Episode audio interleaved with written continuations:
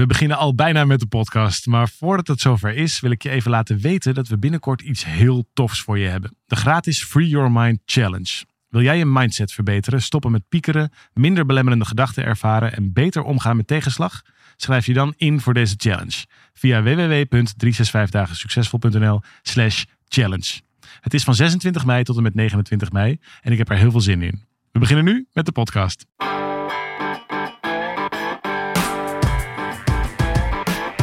Van harte welkom bij deze podcast van 365 dagen succesvol. Wij zijn David en Arjan en we delen in deze podcast de eye-openers die cruciaal zijn voor een gelukkiger leven. Van harte welkom weer bij deze allernieuwste podcast met uh, tegenover mij David. Merk je al dat het winter begint te worden, David? Eh, zeker, nou ja, in ieder geval aan, aan, de temperatuur, maar ook wel een beetje aan dat het zo vroeg uh, donker wordt. Ja, nee, dus we nemen dit op in zo'n donkere studio. Ja. En opeens overviel me zo'n uh, zo'n bijna zo'n al zo'n Sinterklaas en, uh, en kerstgevoel. Ja, daar zitten we ook heel dicht tegenaan, dus dat klopt precies. Maar daar gaan we het niet over hebben. Leuk dat je luistert. Ik ben Arjan. Dit is uh, de podcast van 365 dagen succesvol, zoals je weet. En we gaan altijd even de, de diepte in op nou ja, thema's die in je leven kunnen spelen. En een vraag die we veel kregen, en ik, en ik snap het ook wel, omdat het gaat over een thema wat heel dicht bij ons ligt. Een vraag die we, die we binnenkregen is, joh, ik heb het zo druk ik ben uh, hard aan het werk en ik merk aan mezelf dat ik heel erg bezig ben met het leven volgens de verwachtingen van anderen. Dus ik ben heel erg bezig om het anderen naar de zin te maken of om ook mijn eigen leven zo in te richten dat het voldoet aan wat anderen van mijn leven verwachten of wat ik denk dat ze ervan verwachten. En hoe zou ik dat nou minder kunnen doen? Want ik word daar niet gelukkig van. En ik zat dat te lezen, die vraag, en ik lees hem hier nu niet letterlijk voor, want ik heb hem niet voor me, maar die, die kregen we binnen. En het deed me zo denken aan de, Five Regrets of the Dying. Aha, wat, wat onderzoek. Ja, ja. Ja, ja, Daar hebben we het natuurlijk wel vaker over gehad. Maar dat is wel, deze staat natuurlijk op nummer één.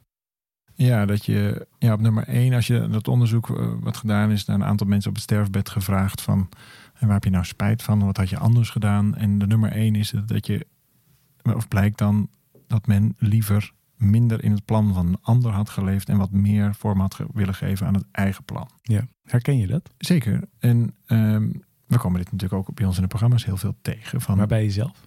Ja, ook. Kijk, het is ook heel goed te duiden. Het is heel eenvoudig. Volgens mij, vol echte volwassenheid, die kun je herkennen aan dat je het plan van origine hebt los weten te laten en een eigen plan, of in ieder geval een eigen set aan waarden hebt gecreëerd waar, waar langs je je eigen leven legt en waar langs je je eigen leven leeft. En wat je kinderen ziet doen, en dat is onvermijdelijk, die worden geboren in een bestaand systeem. Daar is een plan voor. Ja, vaak niet heel expliciet natuurlijk. Nou ja, dat, dat is misschien nog wel kwalijker. Maar of in ieder geval, daarmee is de imprint groter. Want je wordt namelijk geboren in een maar redelijk affe of behoorlijk gekleurde situatie. Moet je voorstellen dat jij wordt geboren in, nou laten we een, een heel extreem uh, een voorbeeld nemen. Maar je, je, je wordt geboren ergens in een heel religieuze uh, omgeving. Maakt even niet uit wat voor een omgeving dat is. Met, Mhm. met veel dogma eromheen en veel zo hoort het. En het is allemaal vrij. Regels, oordeel, regels, ja, precies. autoriteit. En daar heb je je dan staande in te houden. Ja. Nou, in het begin weet je niet beter. Dus dan speel jij binnen de grenzen die voor jou worden Mhm. eh, bepaald. Want dat doet natuurlijk elk kind. Ja. Dan vervolgens wordt er een bepaalde school voor jou gekozen. Nou, die- je ouders kiezen dan een school met een bepaalde signatuur. Want dat past dan bij die leefregels. Ja. En je leert dus, als ik me aan deze regels hou, dan wordt er van mij gehouden. Als Ja. ik aan, me, aan deze regels hou, dan krijg ik eten en liefde en zijn er geen problemen en is het rustig en zo. Ja, dus je wordt beloond daarop op je neer te leggen bij Ja. het systeem, zou je kunnen Ja, en er zit er natuurlijk altijd een bepaalde mate van vrijheid in. Nou, dat doe je dan zo de eerste twaalf jaar van je leven. Dan heb je best wel een belangrijk stuk van je basisscript Ja. heb je, eh, geschreven. Ja, als, ik het, als ik me aan deze normen en waarden hou, nou, dan kom ik best een heel eind. En dan hou ik mij wel staan. Het is veilig. Ja, en hoe positief of negatief die omgeving ook maar is, dat is niet van jou. Dat is een omgeving die voor jou bepaald is. Dus je past je, dat is mijn hele punt, je past je automatisch aan aan dat plan wat er al lag. Daar Ja. word je gewoon letterlijk in geboren. Ja, en kijk, jij gebruikt nu een heel ehm, eh, Extreem extreem voorbeeld, voorbeeld van een streng dogmatisch religieuze. Maar als ik kijk, ik bedoel, ik heb vier kinderen thuis. Als Ja. ik naar mezelf kijk. Ehm, en ik mijn kinderen voeden, die worden natuurlijk ook opgevoed in de hypnose van wat ik belangrijk vind, zeg maar, met mijn vrouw en wat wij voor staan en hoe wij naar de wereld kijken. Nou, en dan, en dan hebben ze nog mazzel dat ze vrij zelfbewuste ouders hebben. Maar ik denk dat de meeste kinderen geboren worden in een veel groter systeem dan alleen dat van de ouders. Hè, dus jij, jij hebt al heel duidelijk zelf een aantal keuzes gemaakt die ook al anders zijn dan jouw ouders hebben gemaakt. Mhm. Maar kijk maar eens een paar generaties terug. Dat was niet alleen maar in het dogmatische veld, in het, in het veld zoals het. In de, in, de, in de speelruimte die jij hebt bepaald voor je kinderen. Maar daar had ook een kerk of een school of Ja. een, een dorp of Ja. noem het maar op. Daar hadden allerlei mensen samen, dus een hele groep, een hele community, had al leefregels bepaald. Ja. En daar is op zich ook helemaal niks mis mee. Alleen daar word je in geboren. Dus wat leer je? Dat is mijn hele punt. Wat leer je? Je leert je als kind vooral je staande te houden, lees aan te passen aan dat systeem, aan die omgeving. Nou, dat doe je dan vervolgens de eerste 10, 12 jaar van je leven, 15 Geeft wel jaar. lekker veel houvast natuurlijk. Ja, dat ligt er een beetje aan hoe dat. eh, en hoe veilig dat, dat ook ja. hoe dat functioneert. Maar in ieder geval heb je je daar staande in gehouden. Ik kan me zo voorstellen dat iedereen die naar deze podcast luistert, dat hij zich daar doorheen heeft weten te worstelen. Ja. En dan komt er een interessantere tweede fase. Namelijk dat je doorkrijgt, wacht eens even. En dat is ook belangrijk in die puberteitfase. eh, wacht eens even, niet alles wat van dat systeem is, past goed bij mij. Dan begin je een soort van identiteit te ontwikkelen. Ja. Dat is alleen nog een heel erg een identiteit van de mind. Het is he, niet alles wat er gedacht wordt, dat is, dat is waar. Niet Nee. alles wat er voor mij voorgeschreven is, is waar. Ik heb gedachten die van mij zijn. Ja, en het is volgens mij heel erg een afzetmentaliteit. Dus eh, dat je vooral heel helder krijgt wat je niet wilt. Wat je wilt verbreken, waar je vandaan wil blijven, wat je niet wil zijn. Zonder dat daar per se meteen een goed alternatief voor komt. Dus dat kan juist ook wel veel losgeslagenheid of eh, eenzaamheid zelfs veroorzaken. Het idee dat je er niet meer bij hoort. Ja, waar, waar hoor je dan opeens wel bij? Nou ja, wat je dan veel ziet is dat er dan vri- hechte vriendengroepen ontstaan. Ik had Ja, precies, zeker in die tijd Ja. veel meer vrienden dan nu. Ik had denk ik echt wel wel honderd vrienden of zo. Ik speelde in een band en ik, had heel, een heel actief sociaal leven. En dat is nu met drie kinderen verder. het ziet er anders uit. Ja, dat ziet er heel anders uit. Ik heb ze misschien nog wel ergens op papier, maar ik zie ze in ieder geval niet zo heel vaak meer. Dus, en dat is ook helemaal oké. Maar ook hier weer, mijn punt is nu, in eerste instantie word je dus geboren in het plan van een, van een ander of van zelfs van een hele omgeving. Daar ontkom je niet aan. Dus je leert je vooral staande houden. Dat is punt één. Punt twee is op een gegeven moment kom je erachter, hé wacht eens even, niet alles wat daar zeg maar zo mij voorgeschreven wordt, past bij mij. En dan ga je daar tegen afzetten. Nou, dat doe je dan in meer of mindere mate. Ik ben iemand die de puberteit best wel heeft overgeslagen. Dus ik heb daar op latere leeftijd best veel last van gehad. Ik ben me gewoon ja, binnen de lijntjes blijven kleuren van wat van mij verwacht wordt. Dat had ook wel te maken dat mijn ouders behoorlijk vrij zijn geweest. Dus er was Mhm. niet zo heel veel om tegen af te zetten. Maar goed, dan ontdek je een soort van eigen identiteit. Dat, dat zou inderdaad wat meer eenzaamheid kunnen opleveren. Maar wat gebeurt er dan vervolgens? Dan ga je studeren. Nou, je hebt, je hebt helemaal geen idee of je gaat een beroepsopleiding volgen. Je hebt nog helemaal geen idee wat je nou echt wil. Kinderen moeten veel te vroeg kiezen voor dat soort dingen. Maar dan ga je dan maar iets doen. En dan rol je eigenlijk van het ene in het andere. En voor je het weet heb je een gezin. En heb je nooit echt je los weten te maken uit dat ja, systeem van oorsprong. Uit die basisregels van de eerste twaalf jaar. En sterker nog, als je zelf een gezin sticht, dan herhaalt dat zich ook nog eens een keer. Ja. Want dan ineens, je hebt misschien wel of niet een goed voorbeeld gehad, maar het is wel het enige voorbeeld wat je hebt gehad. En dan, ik zie mijzelf dus dingen kopiëren waarvan ik mezelf zo had voorgenomen dat ik dat nooit zou doen.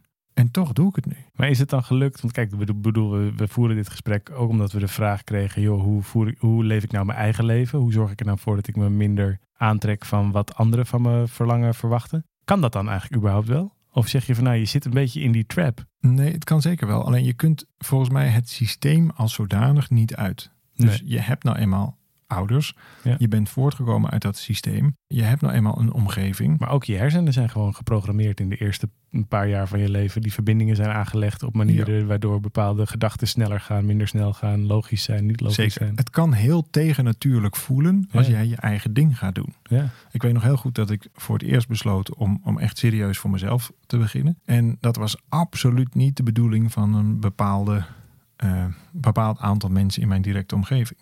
Mijn partner vond het heel ingewikkeld. Eh, mijn ouders vonden het heel ingewikkeld. Mijn grootvader vond het heel ingewikkeld. En die lieten dat duidelijk merken ook. Mhm. Dus die eenzaamheid die je ook misschien wel in de puberteit herkent, of in ieder geval de eenzaamheid ten opzichte van je opvoeders of de eerste generatie van, van mensen om je heen, die wordt dan nog een keer voelbaar. En dat is een argument om dat niet te doen. Dus op het moment dat je echt je eigen plan gaat vinden en gaat staan voor jezelf, dan is er waarschijnlijk een tegenreactie uit je eerste lijn dierbaar. En is dat dan erg? Nee, sterker nog, dat is een signaal dat je op de goede weg bent. Volwassenheid kenmerkt zich dat je een plan hebt voor jezelf. Dat komt alleen met een rekening. En die rekening is, kijk, moet je je voorstellen, als, als jij 40 bent en je leeft nog steeds volgens de normen en waarden van je ouders. Je hebt de Mhm. opleiding gedaan die sociaal geaccepteerd werd. Je hebt je kinderen eh, opgevoed of ben je aan het opvoeden zoals je ouders dat ook hebben gedaan. Dan is er in ieder geval evolutietechnisch eh, heeft er niks interessants plaatsgevonden. Mhm. Dan heb je het keurig veilig gehouden en was er weinig gedoe. De vraag is alleen of dat het doel is van het leven. Eigenlijk ben je dan nog steeds kind in dat systeem, als je me nog kunt volgen. Mhm. Ik denk dat je andere keuzes daar kunt maken. Ik denk ook dat dat de bedoeling is. Ik denk dat het de bedoeling is om eigen volwassen keuzes te vinden in dit leven. Met andere woorden, dat je een plan maakt voor jezelf. Dat je bereid bent om daarmee ook, nou ja, volwassen keuzes te maken. Dat wil zeggen dat ook al is jouw systeem van oorsprong daar helemaal niet zo happy mee, dat het er gewoon simpelweg niet toe doet. Want dit is namelijk jouw leven. Dus op het moment dat jij heilig gelooft dat de aarde hartstikke plat is, en dat is jouw ding, nou roep dat dan gewoon. Als dat jouw ding is, dan is dat jouw ding. En dan kunnen je ouders nog zo hard zeggen dat die rond is. Maar als die voor jou plat is, is die voor jou plat. En dat is helemaal oké. Net een pannenkoek toch? Die is rond en plat tegelijk. Mooi. maar ja, ik, ik zit natuurlijk naar je te luisteren en ik ben het, ik ben het met je eens hoor. Dat volgens mij ehm, maakt het je leven uiteindelijk veel fijner. Heb je het gevoel dat je veel meer in contact staat met jezelf. Dat je veel meer jezelf kunt zijn. Dat je dichter bij je gevoel komt. Als je het idee hebt dat je je eigen leven leidt. Maar op de manier waarop je het nu zegt, klinkt het ook een beetje bijna zo. Nou, ik moet het zelf doen. Of eh, ik wil niks met jullie hebben. Of het moet. eh, eh, laat me met rust of zo. Er er zit ook wel een bepaald soort wegduwen van, van het systeem in. Terwijl daar ook juist. Nee, het is geen. Het, gaat, het is veel belangrijker wat je wel doet, volgens mij. Zeker, het is geen hernieuwde puberale fase. Daar gaat het helemaal niet over. Maar het is wel de bereidheid om niet meer begrepen te worden. Ja. En op het moment dat je niet meer begrepen wordt, nogmaals door dat systeem van oorsprong, door, dus- door bijvoorbeeld je ouders, dan komt dat met een bepaalde prijs. Dat is ook heel pijnlijk. En dus op het moment dat, nou, laat ik, laat ik daar een eigen voorbeeld over geven. Ik eh, golf regelmatig met mijn, met mijn vader. En dat is hartstikke leuk om te doen. En hij is ook geïnteresseerd in mijn leven. En dan vraagt Ja. hij dingen over hé, hoe gaat dit of hoe gaat dat. Maar hoe goed ik het hem ook probeer uit te leggen, hij zal mij daarin niet begrijpen. Nee. Omdat hij zelf nooit een bedrijf heeft gehad. Omdat hij niet met dergelijke dynamieken te maken heeft gehad met die hoeveelheid omzet, met die hoeveelheid medewerkers. Dus hij heeft eigenlijk geen idee wat ik aan het doen ben. Ja. Als ik nou ook onderwijzer was geworden, dan hadden wij een heel inhoudelijk gesprek kunnen voeren. En hadden wij waarschijnlijk meer contact gehad Ja. op het werkgerelateerde stuk. Wat natuurlijk best een belangrijk gespreksonderwerp is. Ja. Zeker voor mijn vader en voor mij. Dus uit goede bedoelingen vraagt hij nog even, hè, hoe gaat het hier en hier mee? En dan zeg ik, oh, het gaat ongeveer zo en zo. Maar hij zal me nooit echt kunnen begrijpen. En dat is ook best, ja, lastig. Ja, misschien is het wel een menselijke basisbehoefte om begrepen te willen worden. Nou, ik denk dat de menselijke basisbehoefte is om geliefd eh, te worden. Ja, ja. En je zult dus een andere vorm hebben te vinden om die liefde te laten stromen. Ja. En dat is, een, dat is een andere taak in dat stuk. Dus nou, hoe heb ik dat opgelost? Bijvoorbeeld door inderdaad regelmatig met mijn vader te golfen. Mijn Ja. vader noemt zichzelf professioneel golfer. Hij is gewoon met pensioen en hij golft graag. En staat dus veel op die golfbaan. Hm. En, ehm, en ik heb besloten om dat mezelf eigen te maken. Niet omdat ik nou per se zo van golf hou, maar wel omdat ik van mijn vader hou. Ja. En dan blijkt dat het ook nog hartstikke leuk is en dat we daar samen heel veel plezier aan beleven. Maar dat is dus mijn investering, zou je kunnen zeggen, in de relatie met mijn vader. Ja. Dus ik wil wel tijd met hem doorbrengen. Ik wil ook daarin gewoon een leuke tijd hebben. Ja. Wij kunnen het niet hebben op het niveau waar ik het prettig vind om over te praten en hij ook. Hè, dus echt inhoudelijk over wat ik doe qua werk. Nou, Ja. qua, qua, qua werk aan zijn kant. Ja, hij, hij golft nu professioneel. Ja. Prima. Dus ik heb, ik heb ervoor gekozen om te investeren in. Kijk, als ik het zo belangrijk vind om gezien te worden, kan ik die vraag ook omdraaien. Hey, wacht even, maar ben ik eigenlijk wel bereid om mijn vader te zien? Ben ik bereid om in zijn wereld te snappen wat hij nou zo belangrijk vindt? Ja. En ik heb hem gewoon omgedraaid. En toen ben ik, nou, een tijd terug ben ik met hem dat gaan oppakken. En dat bevalt ontzettend goed. Vind ik een stuk leuker dan dat ik hem ga proberen te trekken in mijn wereld. En met andere woorden, eigenlijk zeg ik dan, begrijp mij, begrijp mij. Maar, eh, en daaronder zeg ik eigenlijk, hou van mij, hou van mij. Nou, Ja. dat hou van mij, hou van mij kun je op een hele andere manier inrichten. Nou, door op jezelf te beginnen met liefhebben. Te beginnen met liefhebben, te beginnen met daar een, vorm, een volwassen vorm voor te kiezen die jullie allebei past. Ja. Eh, In plaats van dat ik in mijn kindstuk blijf zitten van, oh ja, ik, ik ben wel mijn eigen weg gegaan, maar eigenlijk wil ik nog wel je zegen en je goedkeuring hebben. Ja. Terwijl ik ben nou, nou eenmaal een weg ingeslagen die niet de zegen en de goedkeuring kreeg. In ieder geval niet aanvankelijk. Ja. Dat was vooral veel te spannend en ik had toch ook kinderen en noem het maar op. Ja. In ieder geval zo heb ik het ervaren. Je zou het aan ze moeten vragen. Maar Hm. ook, ook weer, omdat, niet omdat ze er nou per se tegen waren, maar als ze het niet kunnen overzien, dan is het per definitie spannend. Tuurlijk. Zeker ouders, denk ik, zijn in, in meer of mindere mate controlebehoeftig. Die willen natuurlijk gewoon heel graag van tevoren Beschermen. kunnen Ja. weten, is mijn kind wel veilig? Ja. Nou, vervolgens gaat dat kind dan het huis uit. Nou, hartstikke spannend. Mijn oudste dochter die gaat volgend jaar, eh, zoals het er nu uitziet, een jaar op reis. Nou, Zo. hoe gaat papa dat dan? Hoe Ja, kan ik nou mijn kind redden als die in Australië druiven aan het plukken is of weet ik veel wat? Dat kan dus niet meer. Met, met andere woorden, dat zijn allemaal van die eh, ja, volwassen stappen zou je kunnen zeggen. Dus durf je een plan te hebben voor jezelf, durf je een leven te hebben voor jezelf en dan vanuit dat principe te leven. En ben je bereid om de consequentie daarvan te dragen? De consequentie dat je op dat stuk eigenlijk je veilige nest verliest. Ja. En dus dit, ook, ook daarmee je fallback scenario verliest. Ja. Nou, als je bereid bent om dat te doen, heb je in ieder geval een stuk zelfbeschikking te pakken. Anders leef je eigenlijk toch altijd nog, jij noemde het net hypnose, nou, ik denk dat je daar behoorlijk dicht bij de werkelijkheid zit. Dan leef je eigenlijk nog in die invloedssfeer Die schaduw. ja, van wat je ouderlijk systeem of je systeem van oorsprong maar voor jou bedacht had. Ja. Op het moment, ik denk, kijk, tenzij je er op een gegeven moment achter komt, joh, dat is precies hoe ik het hebben wil. Prima, moet je het lekker zo doen. Maar dan Ja. is het nog steeds jouw keuze. Ja. Maar op het moment dat je dat ziet, oké, nee, wacht even. Dit is mijn leven. Ik ben wel ondernemer, in mijn geval bijvoorbeeld. Ik zeg wel dit soort, dit, dit, deze en deze dingen op een podium. Nou, daar kun je het mee eens zijn of niet, maar dat is mijn manier van de dingen doen. Ja. En dan vervolgens kun je als volwassen persoon kun je gewoon ook weer werken aan de relatie met je ouders. Maar dan ga je daar een nieuwe vorm voor bedenken.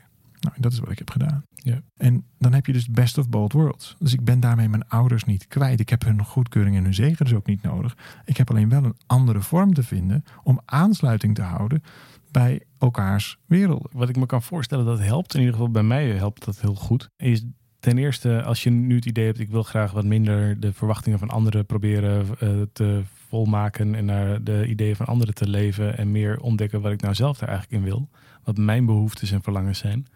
Dan helpt het natuurlijk heel erg om je hiervan bewust te zijn. Van, nou ja, wij noemen dat die hypnose van je ouders of die invloed van je ouderlijk systeem. En ook daardoor alles wat je misschien tegenhoudt om uit te vliegen. Ook als je 30, 40, 50 bent, kan je nog steeds de keuze maken om uit te vliegen. Maar wat volgens mij helpt is ehm, tijd met jezelf doorbrengen. En echt zo min mogelijk. eh, volgens mij is juist omdat het leven zo vol zit met van alles en nog wat wat er van je wordt verwacht en verplichtingen en allerlei verantwoordelijkheden en dingen die allemaal moeten. Dat is ook een manier om je nooit die vraag te hoeven stellen, want er is altijd wel iets op de agenda. En ik denk dat het helpt om, als je nu in zo'n fase zit, dat je denkt: oké, wat ben ik eigenlijk? Wie, waar sta ik dan voor? Wat vind ik dan werkelijk belangrijk? Om te kijken of je flinke stukken tijd in je agenda de komende tijd kunt leegmaken. Echt leeg, leeg. Eh, en gewoon, eh, weet ik veel, de hei opgaat of eh, een boek gaat lezen of iets gaat doen wat, wat voor jou in ieder geval even de ruimte voelt zonder afgeleid te worden, zonder de, de, de Nou, er, stemmen zijn van wel, anderen. er zijn wel meer manieren om dat te doen. J- jij hebt heel duidelijk gekozen in de tijd om het actief niet te weten. Dus je wist wel van, hé, hey, ik zou graag iets willen ondernemen. Ik zou graag eh, willen ontdekken wat dan beter bij me past. Je had één serieuze baan gehad, dat had je ook hartstikke goed gedaan. En je kwam er vervolgens ook achter, hey, dit is mijn leven niet meer. Want dit is niet mijn plan. Ik wil Ja. graag een plan maken voor mezelf, maar ik weet niet hoe. Ja. En vervolgens ben je met allerlei verschillende mensen gaan afspreken. Je Ja. hebt daar een dag extra vrij voor genomen. Dus je hebt inderdaad ook die tijd gemaakt. In ieder geval, zo heb ik het me herinnerd. Klopt. Dus volgens mij had je de vrijdag vrijgenomen of Een zo. dag minder gaan werken. Een Ja, dag minder gaan om te gaan lunchen met mensen. allemaal. lunchen met mensen en af te spreken en gewoon inspiratie op te doen. Nou, dat ben je een aantal maanden gaan doen. Ik was daar één van. Wij kregen daar een leuk idee over en, en van het een kwam het ander. En zo is het gegaan. En eigenlijk veel sneller dan je had verwacht. Want in mijn beperkte herinnering had je daar een jaar of zo voor jezelf voor uitgetrokken. En met een paar maanden wa- was je eigenlijk al overgestapt, hadden we daar een idee over gekregen enzovoort. Ja. Maar het begon wel, en dat is een goed punt wat je daar maakt, met de beslissing, dus het besluit. Wacht eens even, ik weet nog niet wat het is. En dit is wat ik dan noem het actieve niet weten. Mhm. Eh, fruitful I don't know. Ja. Maar ik weet wel dat ik het zou kunnen weten. En ik ben ervan overtuigd dat iedereen dit kan weten. Ja. Ik denk dat iedereen uitstekend in staat is, als je deze podcast kunt luisteren, jij dus zeker ook, om een plan te maken voor jezelf. Dat is ook gewoon een vaardigheid. Dat is iets wat je kunt leren, dat is iets wat je kunt ontdekken. De meeste dingen zitten er al lang in. Ja, Alleen heb je dat voor jezelf nog niet zo geordend. Je hebt het nog niet zo belangrijk gemaakt. En je hebt er ook nog geen omveld bij gevonden. Met mensen en soorten opdrachten en misschien wel leefomgeving. Ja. Die daar nog goed bij passen. Want dat hoort nou allemaal nog bij dat ou- oude stuk. Ja. Nou zijn we helemaal geen voorstander van eh chaka en over kolen lopen en je hele leven is anders. Dat kan op zich wel een keer zo werken. Alleen dat is geen... Heel leuk. Het is gewoon heel leuk natuurlijk. En het is heel leuk om of een dapper om een keer te over doen. gelopen te hebben. Dat is wel tof. Een keer gedaan. Ja, ik heb dat wel eens een keer gedaan, maar daarna werd het gewoon weer maandag. Ja. En, en soms kan het ook heel erg life-changing zijn. Daar wil ik helemaal niks aan afdoen. Maar de werkelijke verandering vindt in kleine stapjes plaats. Ja. Dus door een, hè, stapje 1, door te beseffen, hé, hey, wacht eens even, wat zou eigenlijk zo'n eigen plan zijn voor mij? En heb ik de bereidheid om daar gewoon in te investeren? Al is het maar vijf minuten per dag. Ja. Nou, dan accepteer je in ieder geval dat er wellicht voor jou ook zoiets is. Ja. Nou, gaande. En dan is de kans dus significant groter dat je het kunt gaan zien. De Ja. volgende stap is dat je inderdaad gaat lunchen met iemand, of je leest er eens een boek over, of je luistert nog eens een podcast bij ons, of je komt nog eens langs naar een seminar, noem het maar op. Nou, en dan ben je weer een stapje verder. En voor je het weet, en dat, dan gaat het ineens veel harder dan, dan je zou denken dat het kan gaan. Want dan kan het echt in een paar maanden er al heel anders uitzien. En dat is eigenlijk de, de groei in volwassenheid. Dus het actieve niet weten is volgens mij een uitstekende manier. eh, en sterker nog, ik doe dat volgens mij nog steeds zo. Ik weet heel veel dingen niet. Nee. Maar ik weet wel dat je ze zou kunnen ontdekken. En dat vind ik eigenlijk misschien ook wel het leukste van het leven. Dat je de dingen ontdekt, soms nog mooier of juicier dan, dan dat je eh, voor mogelijk had kunnen houden. En je kunt gewoon altijd aan mij vragen natuurlijk. Dat geldt ook weer. Want jij hebt alle, alle, alle antwoorden van het hele universum. Daarom. Hey, leuk dat je weer luistert naar deze podcast. Te gek. eh, we, het gaat soms alle kanten op. En uiteindelijk dan eh, hopen we toch een antwoord op de vraag gegeven te hebben. Als je nou ook een vraag hebt eh, of je hier gewoon wat van vindt. Misschien haal je er iets waardevols uit voor jezelf. En misschien ben je het ergens heel erg bij oneens. Laat het ons alsjeblieft weten. Weet dat je op 365podcast.nl altijd een volgende stap kunt zetten. Er staan een aantal dingen voor je klaar. Die krijg je van ons cadeau. Om daar ehm, eh, zelf nog mee aan het werk te gaan. Als je dat leuk vindt, als je daar zin in hebt. En weet dat het er is. En wij gaan ehm, volgende week voor jou weer een nieuwe podcast maken. Ik heb er zin in. Hartstikke goed. Tot volgende week.